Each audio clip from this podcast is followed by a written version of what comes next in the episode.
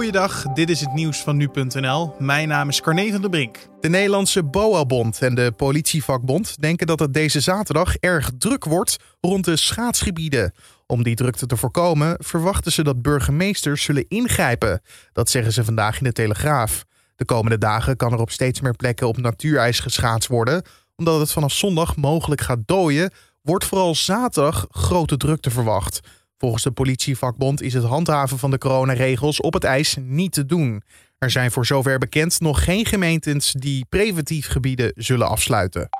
Dat carnaval dit jaar niet doorgaat, doet niet alleen pijn bij feestvierders en kroegen. Ook de bierbrouwers moeten toezien hoe de pandemie een streep zet door de verkoop van miljoenen liters bier. Twee jaar geleden werd uitgerekend dat carnavalsvierders zo'n 270 miljoen euro uitgeven tijdens het feest. En ongeveer de helft daarvan gaat op aan alcohol. Dat de brouwers vele miljoenen euro's mislopen mag dus duidelijk zijn. Diverse brouwers hebben zich wel aangesloten bij lokale initiatieven om thuis carnaval te vieren. Maar dat dit jaar net zoveel pilsjes achterover worden getikt als normaal lijkt uitgesloten. De democratische aanklagers hebben op de derde dag in het impeachmentproces de Senaat gevraagd om een veroordeling van oud-president Donald Trump.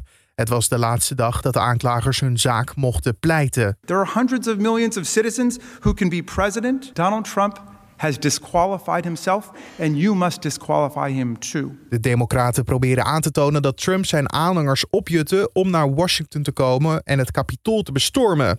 Ze lieten weer beelden zien van relschoppers die tijdens de bestorming riepen dat ze in het Capitool waren omdat de president dat van hen vroeg.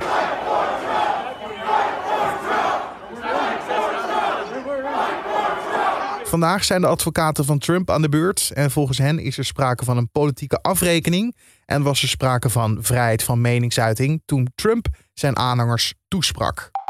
De helft van de bedrijven met minstens twee werknemers vroeg vorig jaar coronasteun aan. Dat meldt het Centraal Bureau voor de Statistiek.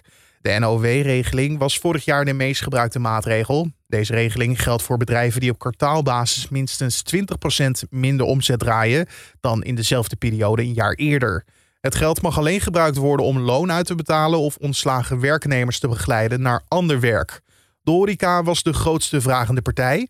85% van de café- of restaurantuitbaters vroegen een tegemoetkoming voor de vaste lasten aan. Landbouw, bosbouw en vissersbedrijven hadden de maatregelen het minst nodig. En tot zover de nieuwsupdate van nu.nl.